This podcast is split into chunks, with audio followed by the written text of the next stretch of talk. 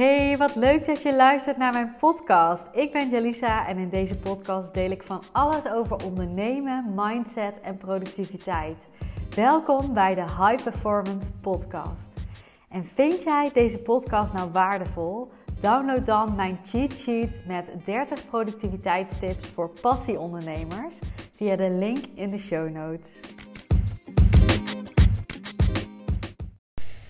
Ik had het in een eerdere podcast al eventjes over inchecken, waarom dat zo waardevol is. En ik wil je nu even praktisch meenemen in ehm, het plannen van mijn week. En uh, wat dat met inchecken te maken heeft. Nou, als ik mijn week plan, dan um, schrijf ik alle to-do's die ik in mijn hoofd heb. Van uh, grotere dingen um, tot uh, de meest kleine dingetjes. Dus um, ik noem maar even wat. Een, uh, hmm, mijn website bijvoorbeeld herschrijven tot um, ik moet nog een pak melk kopen. En alles schrijf ik even op. Dus ik ga echt even letterlijk een brain drop doen van al mijn gedachten en taken en dingen die ik nog moet doen. Dat doe ik overigens al uh, die week daarvoor, zeg maar. Dus als, ik iets, als iets in me opkomt, schrijf ik het gelijk op. Zodat ik zoveel mogelijk headspace overhoud voor de dingen die er echt toe doen. En dat ik zoveel mogelijk capaciteit vrij heb in mijn hoofd om te focussen op waar ik op dat moment mee bezig ben. En taken haal ik dus direct uit mijn hoofd. En nou ja, als ik die brain drop gedaan heb, dan maak ik even een schifting tussen privé en um, uh, werk. En wat ik dan ook nog vervolgens doe, ik ga kijken of alles echt al specifiek genoeg is. Dus mijn website herschrijven is bijvoorbeeld een veel te grote taak. En um, ja, daar ga ik kleinere taken van maken die behapbaar zijn. Die uh, binnen een half uur, bij voorkeur nog korter, gedaan kunnen zijn. En daar maak ik dus gewoon uh, heel veel verschillende taken van. Dus mijn website herschrijven zal dan, nou ja, de verschillende pagina's van mijn website zullen er dan komen te staan. En waarschijnlijk dan ook nog zelfs drie delen. Dus één is bijvoorbeeld lezen wat er nu staat.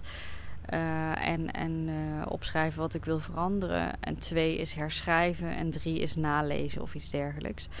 Dus zo krijg je van al mijn pagina's weer drie taken. Nou, dat zijn er dan, uh, ik weet even niet exact, maar stel ik heb zes pagina's op mijn website. Drie keer zes, zoveel taken zijn het dan al. Die schrijf ik dus allemaal uit. En vervolgens ga ik um, prioriteiten stellen. Dus ik gebruik dan uh, drie post-its. En uh, op de eerste post-it schrijf ik de dingen die echt deze week prioriteit hebben. Die moet ik per se doen. Op de tweede post-it is uh, eigenlijk uh, een korte termijn taak. Dus graag, ja, die mag ook ehm, snel afgewerkt worden, maar die heeft niet absolute prioriteit. En drie is, ja, dat kan eigenlijk wel op een veel later moment. Um, zo krijg ik al een, een indeling. En nou ja, ik heb uh, een mini-cursus plannen opgenomen. Dus hoe ik precies plan, dat mag je daar eventjes gaan luisteren. Volgens mij is dat de tweede podcast of de derde podcast uit mijn hoofd. Um, maar goed, uh, wat ik dan vervolgens dus doe, is um, dat ik die taken opschrijf. Ik gebruik verschillende planners. Um, nogmaals heb ik al een keer gezegd, mocht je twijfelen over welke planner voor jou helpend is, dan um, laat me even weten. Want ik heb er best wel veel gebruikt en in verschillende fases in mijn leven, dus ofwel bedrijf of zwangerschapsverlof, nou, noem maar op, gebruik ik verschillende planners. Of ik heb behoefte aan iets meer structuur of ik heb behoefte aan echt wat meer um, self-care. Dat zijn ook van die fases. Um, maar goed, ik schrijf in ieder geval al mijn taken. Als ik bijvoorbeeld de structuur junkie planner gebruik, daar ben ik wel fan van. Um, die schrijf ik onderaan allemaal op. Die prioriteiten en de korte termijn taken vaak ook. En als het bijvoorbeeld zondag is, ik plan vaak op zondag, dan zet ik wel al mijn vaste afspraken alvast in de weekplanner. Zodat die ja, helder zijn voor mij. En dan zie ik ook direct waar ik ruimte heb voor mijn eigen invullingen. Ehm, dus dat zijn uh, calls met klanten of met ehm, potentiële klanten, die zet ik daarin. Als ik een masterclass moet geven, zet ik dat erin. Uh, maar ook als ik mijn kinderen naar de opvang moet brengen of als we bij mijn schoonouders gaan eten, dat blok ik allemaal. Want dat zijn vaste momenten en dan heb ik gewoon in één opslag duidelijk, oogopslag duidelijk van hé, hey, die momenten zijn bezet. Dat geeft alleen al rust. Nou, als ik dan de taken die daarbij horen al ingepland heb, zeg maar. Dus bijvoorbeeld, um, stel ik wil voor een call eventjes de call voorbereiden, dan zet ik die daar direct voor. Dus de taken die ik in die, nou ja, die week braindrop had staan, die, uh, die ga ik dan alvast daarbij zetten, want die horen daarbij. En die kan ik dan alvast afstrepen. Maar de taken die wel vrij in te vullen zijn, zoals uh, sporten, zoals um, mijn website uh, herschrijven, um, die laat ik nog even daarin staan. En waarom doe ik dat? Omdat ik elke ochtend, bijvoorbeeld uh, ja, op maandag heb ik de kinderen, um, dat wordt straks de woensdag, maar op maandag heb ik de kinderen en dan, dan plan ik nooit zoveel überhaupt niet. Kijk, ik, ga, ik werk vaak niet. Vaak doe ik wel even een check-in momentje bij mijn klanten als mijn uh, dochtertje slaapt en mijn zoontje aan het spelen is. Um, maar verder plan ik dan niet heel veel, omdat ik dan heel erg wil kijken van hé, waar heb ik zin in met mijn kinderen. Natuurlijk plan ik wel eens uh, dat ik uh, naar mijn nichtje ga of iets leuks ga doen. Maar verder niet heel veel dingen. Want met kinderen is het ook zo dat ik graag, nou ja, als je kinderen hebt, dan weet je dat. Dus je graag wil aanpassen op hoe de sfeer is, waar zij behoefte aan hebben, waar ik zelf zin in heb, nou, et cetera. Maar goed, als het dan dinsdag is, dan check ik ook weer even in bij mezelf. En dan ga ik kijken, oké, hoe ziet mijn dag eruit? Welke taken uh, heb ik nog in dat weekoverzicht staan? En dan stel ik mezelf een aantal vragen. En de eerste, eigenlijk twee belangrijkste vragen. Maar de eerste vraag is: van welke taken zou ik vandaag plezier krijgen? Waar heb ik zin in? En eh, nou ja, die hou ik even in gedachten. En welke van die taken waar ik plezier in, krijg, in, uh, in heb, uh, hebben prioriteit? Nou, en daar kies ik er dan eentje van. En vaak begin ik daarmee om ook in de, ja, in de juiste focus te komen. Want als ik eenmaal een bepaalde focus heb en er lekker in zit, dat herken je misschien wel, dan ga ik als een speer.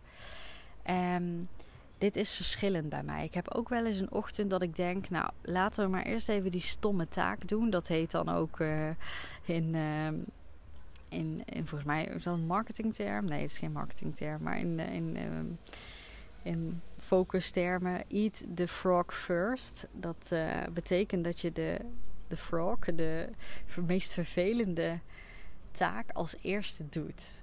Want dat kan psychologisch gezien ook een soort van overwinnend gevoel geven. Van, oh, die heb ik er al op zitten. Nou, dit was echt de meest verschrikkelijke taak. Nu kan ik de hele dag wel aan. Dus ik kijk in de ochtend, waar heb ik zin in? Heb ik, eh, heb ik behoefte aan zo'n frog? Zodat ik daarna lekker kan knallen en daarna allemaal leuke dingen op de planning heb.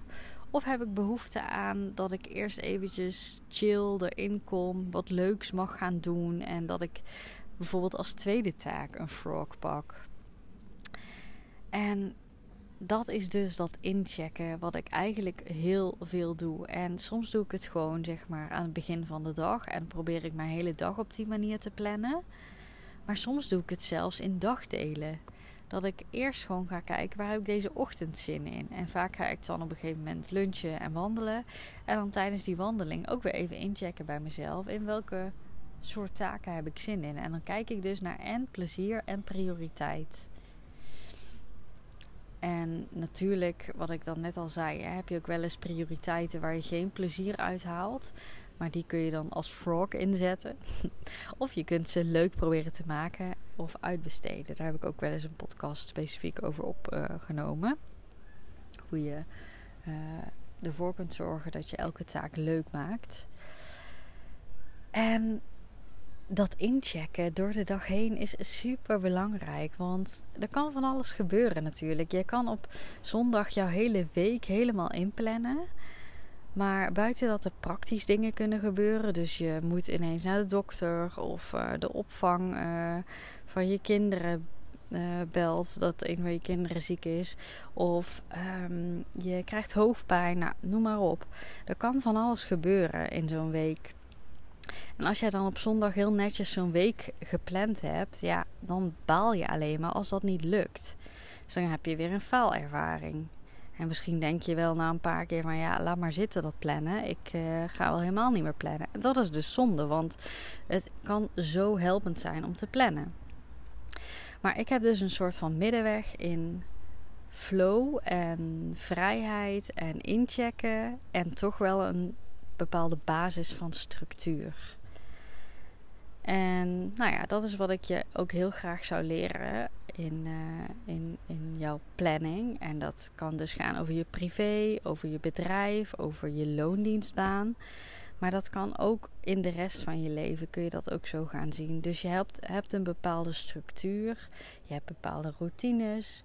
Um, maar daarin, daarbij, mag je ook gewoon uitgaan van flow en waar jouw energie en enthousiasme naartoe gaat.